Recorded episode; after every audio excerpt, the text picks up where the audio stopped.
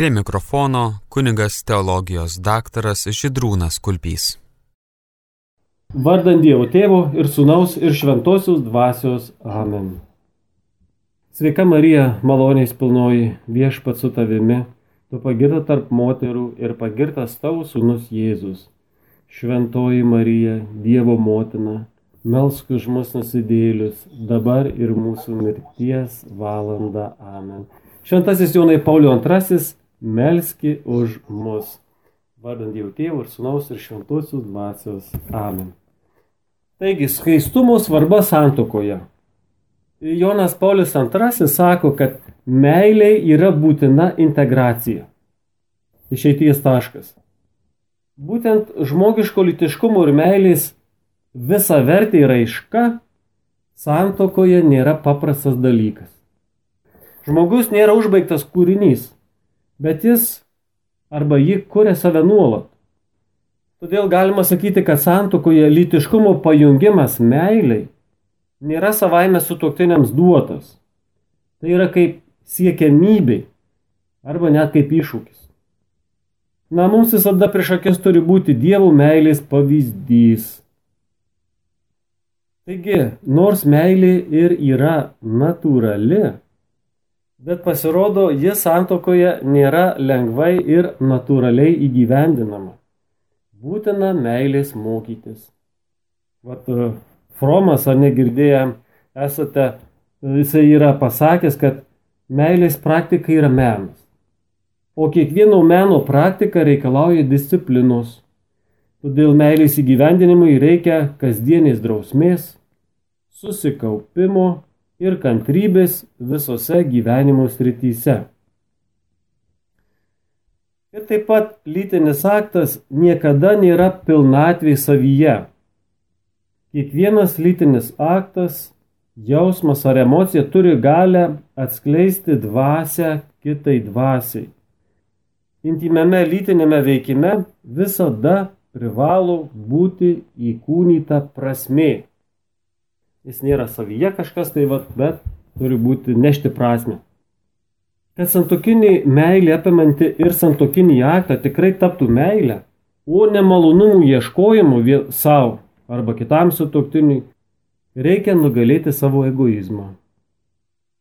Pilnatviškai lytiškumas pilnatviškai išsiskleidžia tik tai pasiekus emocinę brandą, kuri žymi nesavanaudišką meilį ir visiškas atsidavimas. Dar iki tapdamas popiežiumi Vaitylą nurodo, kad siekiant sutuoktinių gyvenime realizuoti tikrąją meilę, ši meilė turi būti išvaduota iš subjektivizmo. Ji negali būti tik potraukio sužadinta jūslumo ir malonumo reakcija. Jei eitų to, tokia kryptimi, ji nepasiektų asmens lygių. Visa vertė meilė yra ta, kuri teigia asmens vertę atsiduoda kito asmens gėriui ir vienyje asmenis. Štai nebrandus pojūčiai, jausmai ir malonumai nėra meilė. Tik tai jos išgyvenimai, kurie neturi būti iškelti aukščiau asmens ar jų vienybės vertės. Narbekovas sako, kad juslumas yra integruojamas į žmogaus gyvenimą kai jis nukreiptas į meilę kitam asmeniu. O tam, kad lytinis potraukis pakiltų į meilės lygmenį, reikalinga skaistumo darybė.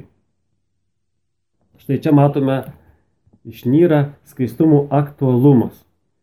At norint suprasti skaistumo svarbą, būtina iš esmės suprasti meilę, kuri nėra tik malonumo išgyvenimas. Pagal pastarąją meilės sampratą skaistumas vertinamas kaip neigiamas ir kenksmingas. Tačiau būtent skaistumas padeda apvalyti, nuskaistinti, pagal tą pavadinimą, nuskaistinti visą vertę meilę nuo viso to, kas yra netikra ir klaidinga.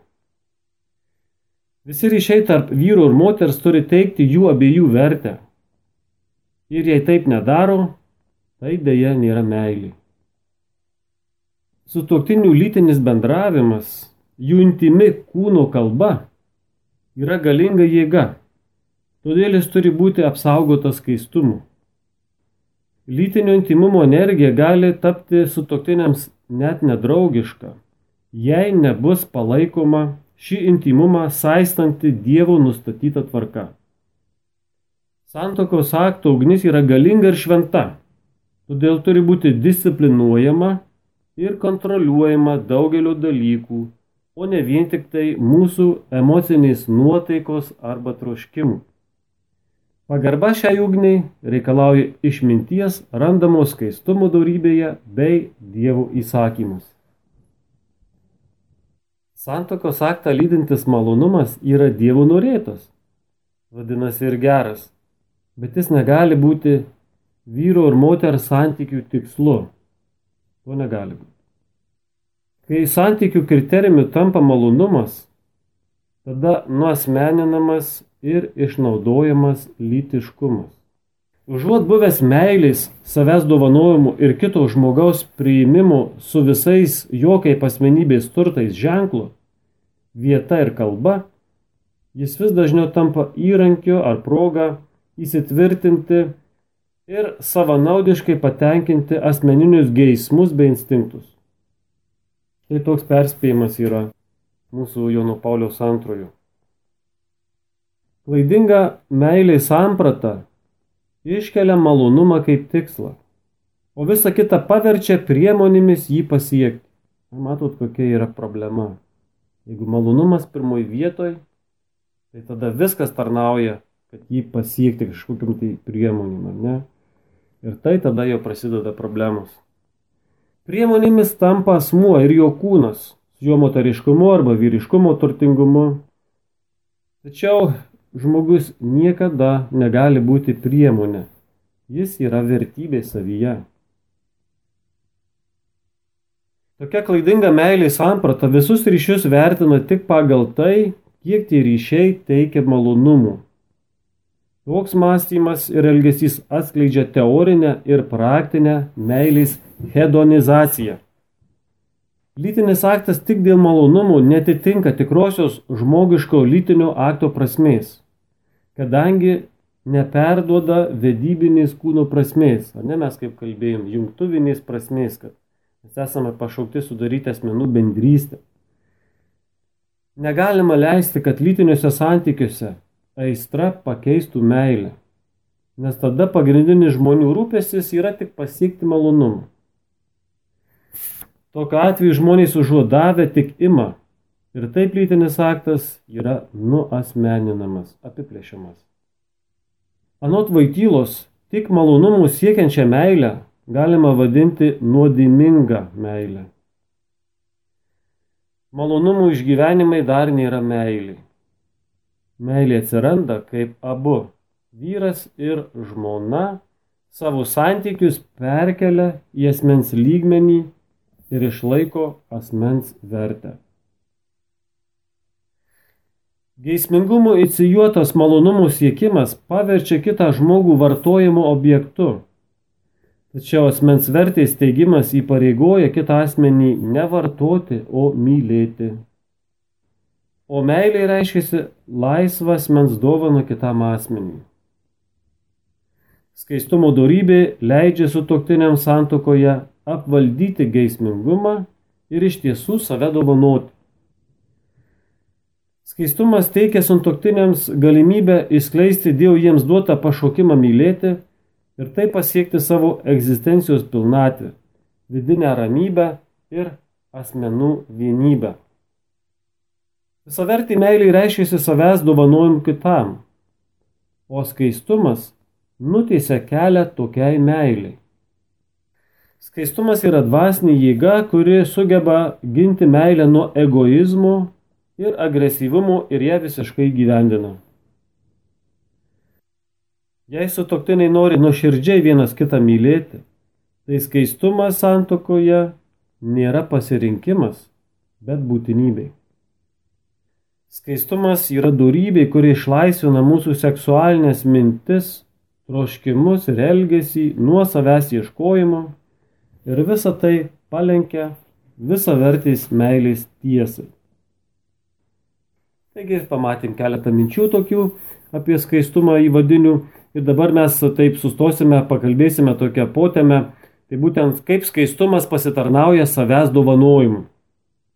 Mes esam pašaukti, mūsų kūnai sutverti save dovanoti ir kaip skaistumas ateina į pagalbą tą pasiekti. Pirmiausia, gal sustokime ir pasiaiškime, kasgi yra tas skaistumas. Ne, kalbam apie tai, bet truputėlį apibrieškime šitą dalyką. Jonas Paulius II savo katechezise, ne, kūno teologijos, skaistumą apibūdino kaip žmogaus galę ir moralinę dorybę. Žmogaus gale ir dorybė. Jisai savo knygoje Meilė ir atsakomybė, dar tadomas prieš popiežium, pristatė skaistumo dorybę kaip deramumą valdant geidžiamuosius jaudinimus. Deramumas valdant geidžiamuosius jaudinimus. Taip pat ir katekizmas teigia, kad skaistumas reiškia darnų seksualumų įjungimą į žmogaus asmenybę, o tad ir vidinę kūninio ir dvasinio žmogaus vienybę. Gebėjimas suvaldyti geismus. Štai skaistumas kuo pasireiškia.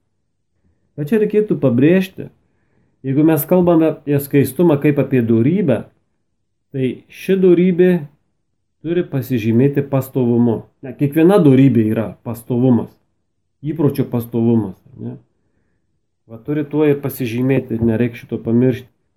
Skaistumo darybė turi būti nuolatinis gebėjimas ir deramumas, o ne tik vienkartinis sujaudinimo suvaldymas.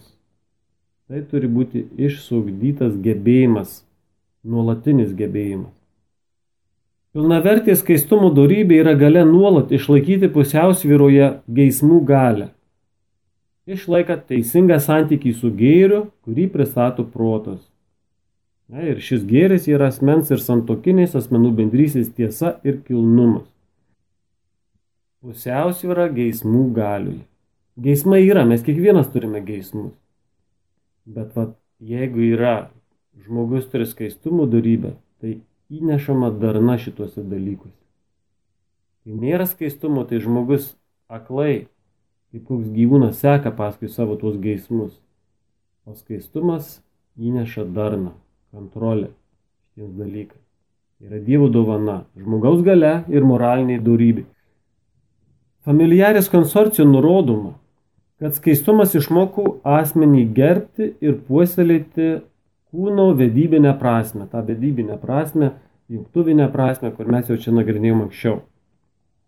Skaistumas padeda harmoningai suderinti skirtingas žmogaus asmens sudedamasis dalis ir įveikti nuodėmės paženklinto žmogaus prigimties trapumą, kad kiekvienas asmo galėtų gyventi Dievo jam dovanotą pašaukimą. Vienam pašaukime, tiek santokos pašaukime, tiek viengungystėje, Pats skaistumas viską suderina. Skaistumo darybei harmoningai suderina lytinius ir meilės troškimus į mūsų kaip asmenų būtį. Ir leidžia mums valdyti save pačius, idant mes iš tiesų mylėtume. Skaistumas tuo ir pasireiškia gebėjimas valdyti geismus vardan meilės. Kad mylėtum. Šios darnos dėka sugebame žmogaus orumą atitinkančių būdų bendrauti su kitais asmenimis ir priimame iš kitų tokį atsakingą bendravimą. Skaistumas pripažįsta kito asmens unikalumą ir mus įgalina bendrystėj apinančiai abiejų asmenų gėrį. Štai pagal Joną Paulių II skaistumo funkcija yra užtikrinti kad visos santokinio gyvenimo apraiškos atitiktų moralinę tvarką. Tai reiškia, kad atitiktų asmens kilnumą.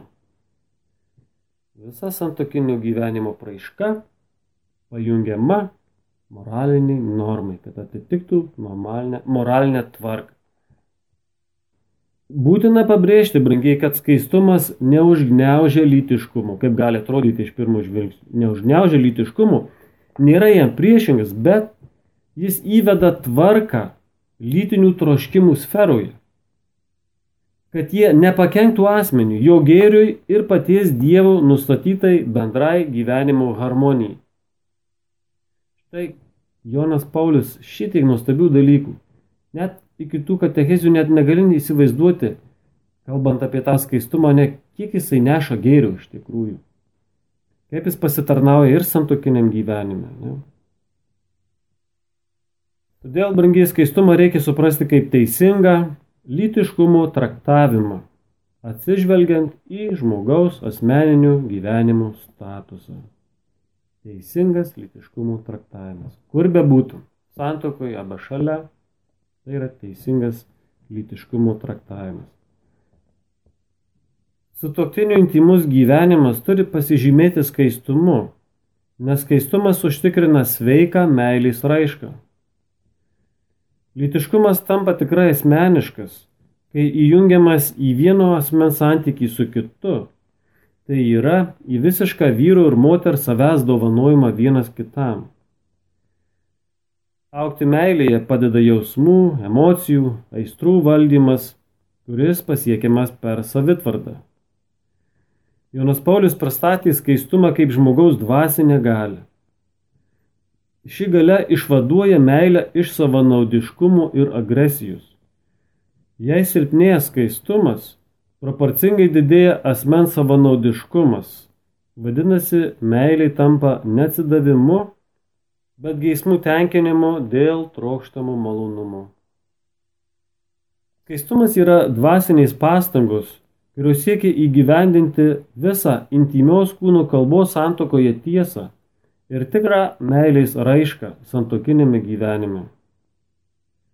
Todėl krikščioniui lytinis bendravimas turi būti neatsiejamas nuo skaistumo. Tiesiai šviesiai pasakykime, dėl skaistumo žmogus yra pajėgus mylėti.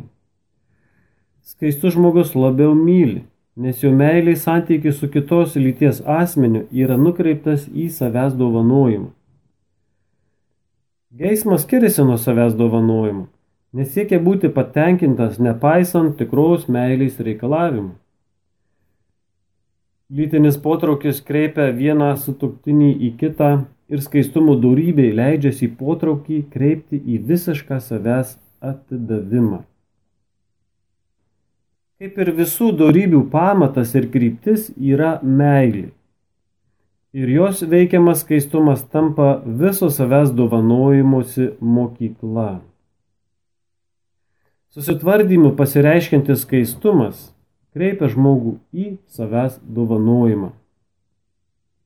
O mokydama susitvardyti, skaistumas ugdo žmogaus laisvę. Zum vėl labai ryškus teigiamas aspektas. Ugdo žmogaus laisvę. Kažkada čia lik skaičiau, man atrodo, Delfijai straipsnį Viena tokia veikėja moteris pasakojo, žinai, truputėlį kritikavo bažnyčios mokymą apie tai, kad reikia susivaldyti. Ir ta moteris aiškino, kaip tu gali žmogui jaunam pasakyti, kad susivaldyk. Ne? Iki santokos ir panašiai. Tai ta moteriškiai taip kalbėdama sako, kad jaunas žmogus negali susivaldyti, jis nėra laisvas. Jis yra kaip gyvulys. Užsikūrė ir viskas. O skaistumas tai turi užtvirtinti tą laisvę, kad tu nesi aklas, tu nesi, kaip sakyti, mašina, bet jeigu fiksuoji, kad geismai yra, tu tiesiog naudojasi savo laisvę su tą dorybę, tu gali pagalvoti, ar tau verta, protingai pagalvojus, sekti tais geismais, pamiršti savo visus įpareigojimus, kito žmogaus vertę, tą unikalumą. Ne? Jeigu santokai, tai ir būtent su tuoktiniu tą vertę. Bet e, matome, kad vis dėlto skaistumas ugdo žmogaus laisvę. O be laisvės nėra nieko. Ne? Vasario 16. Laisvė yra pagrindinė žmogaus savybė. Jeigu žmogus neturi laisvės, tai jisai mašina. Mes turime išsiugdyti tą tikrąją laisvę ir skaistumas tam padeda. Vaityla ypač pabrėžė skaistumų ir meilės giminystę. Netvirtinu, kad skaistumų negalima suprasti atskirai nuo meilės. Jis pateikė skaistumo uždavinį Tai yra išvaiduoti meilę nuo vartojimo nusistatymų. Skaistus yra tas, kuris turi skaidrų santykiai su kitos lyties asmeniu. Ne, pagal tą pavadinimą - skaistumas, skaidrumas. At būtent jis puikiai išvedė skaistumo prasme iš pačios darybės vardų, nurodydamas, kad skaistumas yra vidinis meilės skaidrumas. Kai meilė yra išvaduota nuo noro vartoti ir tikrai pasirengusi visada mylėti, nepaisant aplinkybių. Skaistumo darybės esmė - valdyti geismus, įdant būtų pasiektas tobulesnis atsidavimas kitam. Visų darybių esmė yra apgenėti tai, kas nereikalinga ar net klaidinga, įdant mumyse galėtų būti ugdoma tai, kas svarbiausia. Ir tai yra meilė. Ši dvasinė meilė turi pirmauti mumyse ir savo jėga valdyti visus mūsų vidinius impulsus ir kūniškas aistras. Todėl suprantama, kad skaistumo darybė, kontroliuodama geismus, leidžia iš tiesų mylėti. Taip, dabar paimsime sekantį potėmį tokį, atskirą tokią grupę pamastymų. Tai būtent skaistumas ir santuokinių lytinių aktų tiesa ir kilnumas. Kokia yra tiesa santuokinių aktų, jo kilnumas ir čia kokia rolė yra skaistumui. Taigi, toks yra faktas, kad Dievas paskyrė lytinį aktą pirmiausia būti savęs dovanojimo aktu, o tai apima ir žmogaus dvasinė siela. Lytinis aktas savęs dovanojimas, išaiška to savęs dovanojimo. Lytiniai santykiai yra Dievo dovana, todėl turi būti gerbiami ir puoselėjami pagal jo nustatytą tvarką. Tas toksai kvailas yra nepasakymas, kad meilėje ir kare viskas leidžiama. Toksai šabloniškas. Ne, Dievo tvarka. Dievas kūrėjas. Dievo tvarką pripažįstam. Deja, kaip ir kiekviena Dievo dovana, lytiniu intimumu taip pat gali būti piknaudžiaujama. Lytinius santykius atliekant nuodėmingais būdais. Gali atsitikti, kad santokos aktas neapima visų gėrių, kuriuos gerbti sutoktiniai įsipareigoja. Pagarba Dievo tvarkai įpareigoja sutoktinius laikytis ištikimos, save dovanojančios, gyvybę teikiančios meilės reikalavimų. Ir būtent santokinis skaistumas padeda jiems eiti šiuo keliu. Vienas iš svarbiausių visiškai save dovanojančios meilės reikalavimų yra santokos akto prokreacinis aspektas. Nu, pasiaiškink, prokreacinis tai turime omeny, kad turi būti atviras naujos gyvybės pradėjimui. Lytinis aktas yra skirtas pradėti naujai gyvybė. Tai yra prokreacinis lytinio akto aspektas. O bažnyčia nuo amžių moko, kad santokiniais meilės autentiškumo požymis yra atvirumas gyvybei būtina sąlyga, esminė sąlyga - atvirumas naujai gyvybei. Vatikano antrasis susirinkimas skelbia, kad sutoktinių meilės raiška turi išlaikyti abipusio savęs dovanojimo ir žmogaus gyvybės kūrimo prasmės visumą tikrosios meilės kontekste.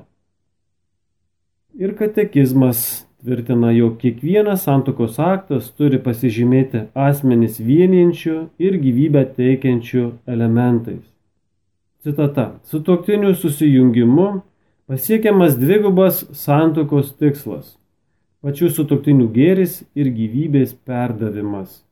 Tų dviejų santokos prasmių arba vertybių negalima atskirti, nesutrikdant dvasinio sutoktinių gyvenimo ir nekeliant pavojaus pačiai santokai ir šeimos ateičiai. Tad santokiniai vyru ir moters meiliai keliami du reikalavimai - ištikimybė ir vaisingumas. Va čia reiktų užakcentuoti, apibendrinti tai, ką pasakiau. Lytinis aktas neša dvi tiesas, būtent du aspektus. Tai būtent vienyje asmenis ir teikia gyvybę. Niekada negalima atskirti šitų dviejų elementų. asmenų vienybei ir naujos gyvybės. Bent potencialus būtent tas atvirumas naujai gyvybei pradėti. Enciklikoje Familiaris konsorcijų nurodoma, kad sutuoktiniai savo intimiuose santykiuose yra pašaukti visiškai save dovanoti. O tai būtinai apima vaisingumo priimimą. Jeigu save pilnai dovanoji, o mūsų kūnai yra vaisingi, tai ir prie pilnos dovanos priklauso ir padovanojimas vaisingumo kitam asmeniui. Kūniškas atsidavimas būtų veidmainiškas, jei tai nebūtų ženklas ir vaisius visiško asmens atsidavimu, kuriame dalyvauja visas asmuo su visu savo laikinumu. Tas visiškas atsidavimas, kurio reikalauja santokiniai meilį, yra taip pat atsakomybė už tėvystę, kuri suteikdama gyvybę žmogaus asmeniui, savo prigimtimi pranoksta grinai biologinį potraukį ir tampa tikra asmeninė vertybė. Vaisingumas priklauso asmens integralumui ir siekiant visapusiško savęs dovanos santokinėje meilėje būtina visada jį priimti. Tačiau kontraceptinis elgesys sugriauna šį integralumą, nes neleidžia santokos lytiniam aktui tapti visišką savęs asmens išraišką. Kontraceptinis elgesys – tai būtent visos bet kokios priemonės, kurios išjungia iš lytinio akto būtent tą atvirumą naujai gyvybei. O tų visokių kontracepcinių priemonių yra. Tai va tas yra jau suardo meilės kelią. Būtent tas meilės dovana jau netampa padovanojama tame lytinėme akte, jeigu įsiterpia kontracepcija. Taigi visavertis meilės santokoje kriterijus yra vyro ir žmonos meilės atvirumas gyvybei. Taigi šitaip griežtai pasakyta, kad jeigu nėra atvirumo gyvybei, netgi nėra ir meilės. Tai yra geismų tenkinimas. Dievas taip sukūrė žmogų, kad santokos aktas skirtas gyvybei perduoti. Dievo kūryba yra jo meilės vaisius. O dabar mes pažiūrime į Dievo pavyzdį. Tai reiškia, kad Dievo meilė yra kurianti, teigianti gyvybę. O mes ir apie trybę kalbėdami anksčiau tą užsiminim. Dievas sukurdamas žmonės pagal savo paveikslą ir žmogui suteikia galę, kad jo meilė būtų vaisinga. Kaip Dievo meilė teikia gyvybę, taip ir žmogaus, Dievo paveikslo meilė teikia gyvybę ir sutoktiniai turi primti šią tiesą. Ši neperskiriama jungtis tarp santokos aktų sutoktinius vieninčio dėmens ir naujos gyvybės pradėjimo dėmens yra esminės reikšmės, nes per šių dviejų dėmenų jungtį mes atspindime, žinoma, ribotai pačią trejybę.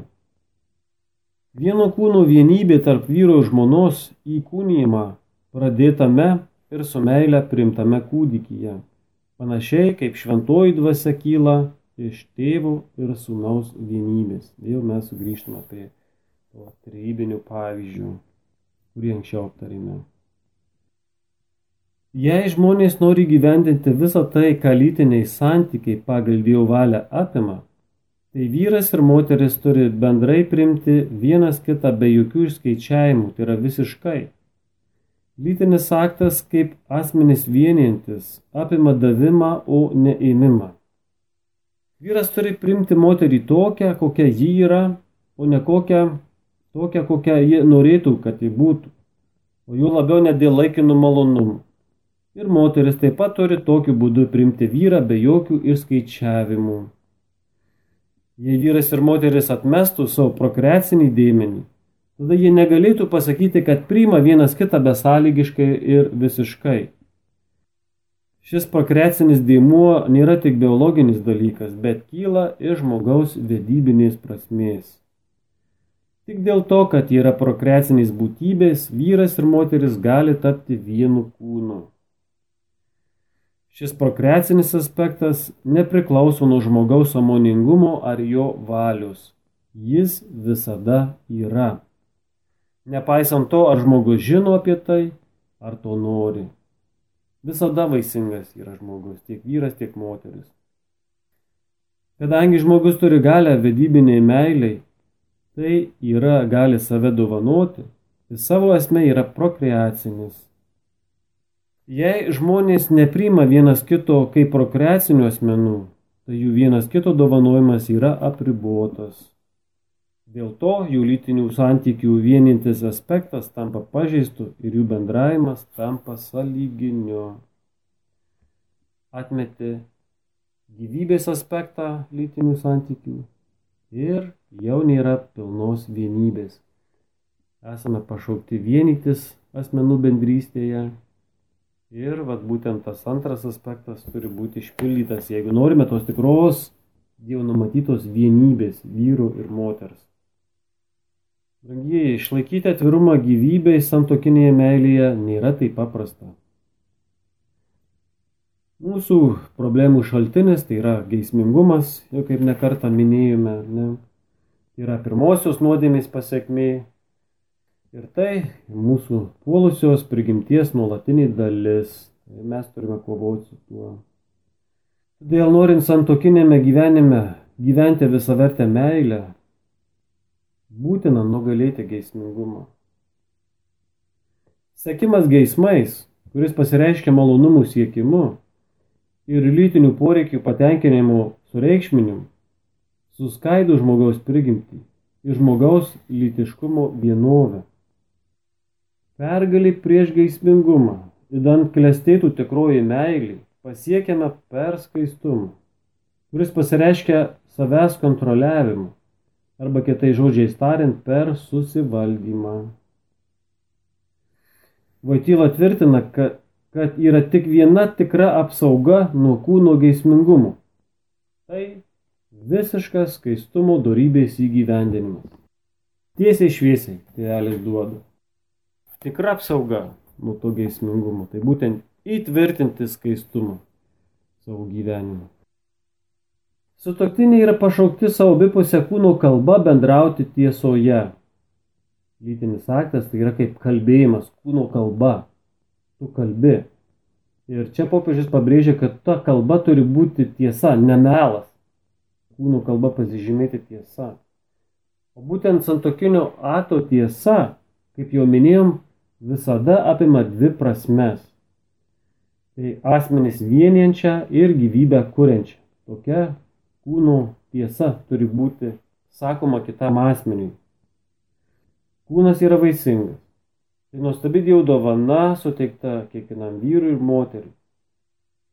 Žmogaus kūnas kalba vaisingumo kalba. Ir ši tiesa visada turi būti išreikšta kiekviename santokos akte. Tai yra asmens ir santokos akto kilnumas.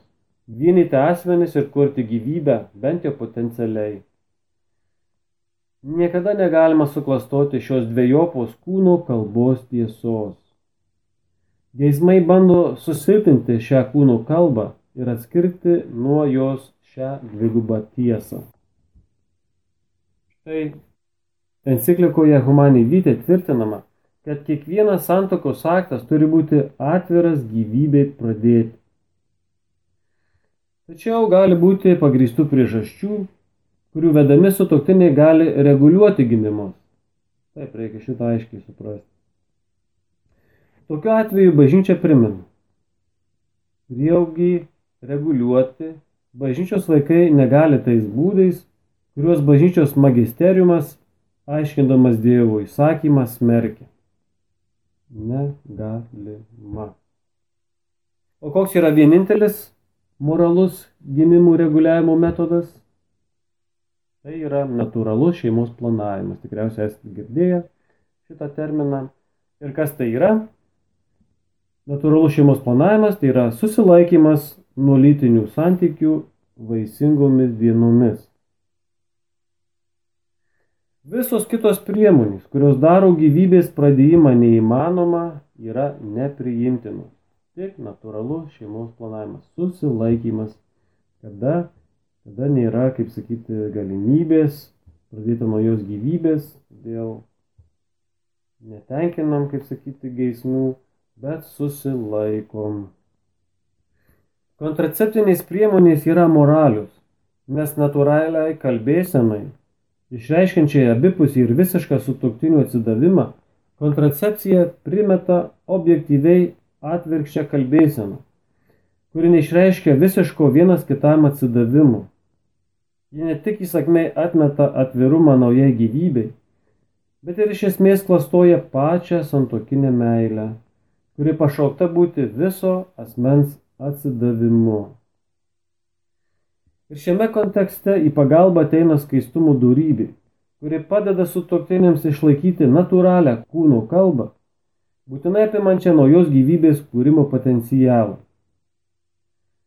Ši darybė padeda išlaikyti šią santokos akto tiesą, skatindama sutoktinius susivaldyti jei bent potencialiai negali būti išlaikytas atvirumas gyvybei. Matome, kontracepcija klastoja pačią santokinę meilę. O kodėl? Todėl būtent, kad pašalina pilną savęs dovanojimą kitam, nes jie išjungia vaisingumo dėmenį iš lytinio akto tiesos. Kur nėra pilno savęs dovanojimo, ten nėra ir meilės. O jeigu nėra meilės, kas, ta, kas tenai? Yra abipusis vartojimas ir geismų tenkinimas. O Jonas Paulius ypatingai vat, savo tą gražią kūno teologijos kalbą ir aiškina būtent, kad mes turime tiesoje bendrauti, tiesoje teikti tą kilnumą vienas kitą. Nevartoti, o mylėti. Nevartoti, kad gauti tą lytinį pasitenkinimą, bet teikti, dovanoti vienas kitam tikrą, visą vertę meilę. Būtent tai apima būtinai, bent jau potencialiai, būtent atvirumą naujos gyvybės kūrimui. Mėly Marijos radio klausytojai, prie mikrofono su jumis savo mintimis dalinosi Liudvinavo Šventojo Liudviko parapijos klebonas, kunigas teologijos daktaras Židrūnas Kulpys. Įrašas iš konferencijos Kūno teologijos tema ciklo. Tesinio kviečiame klausytis kitą savaitę tuo pačiu metu. Likite su Marijos radiju.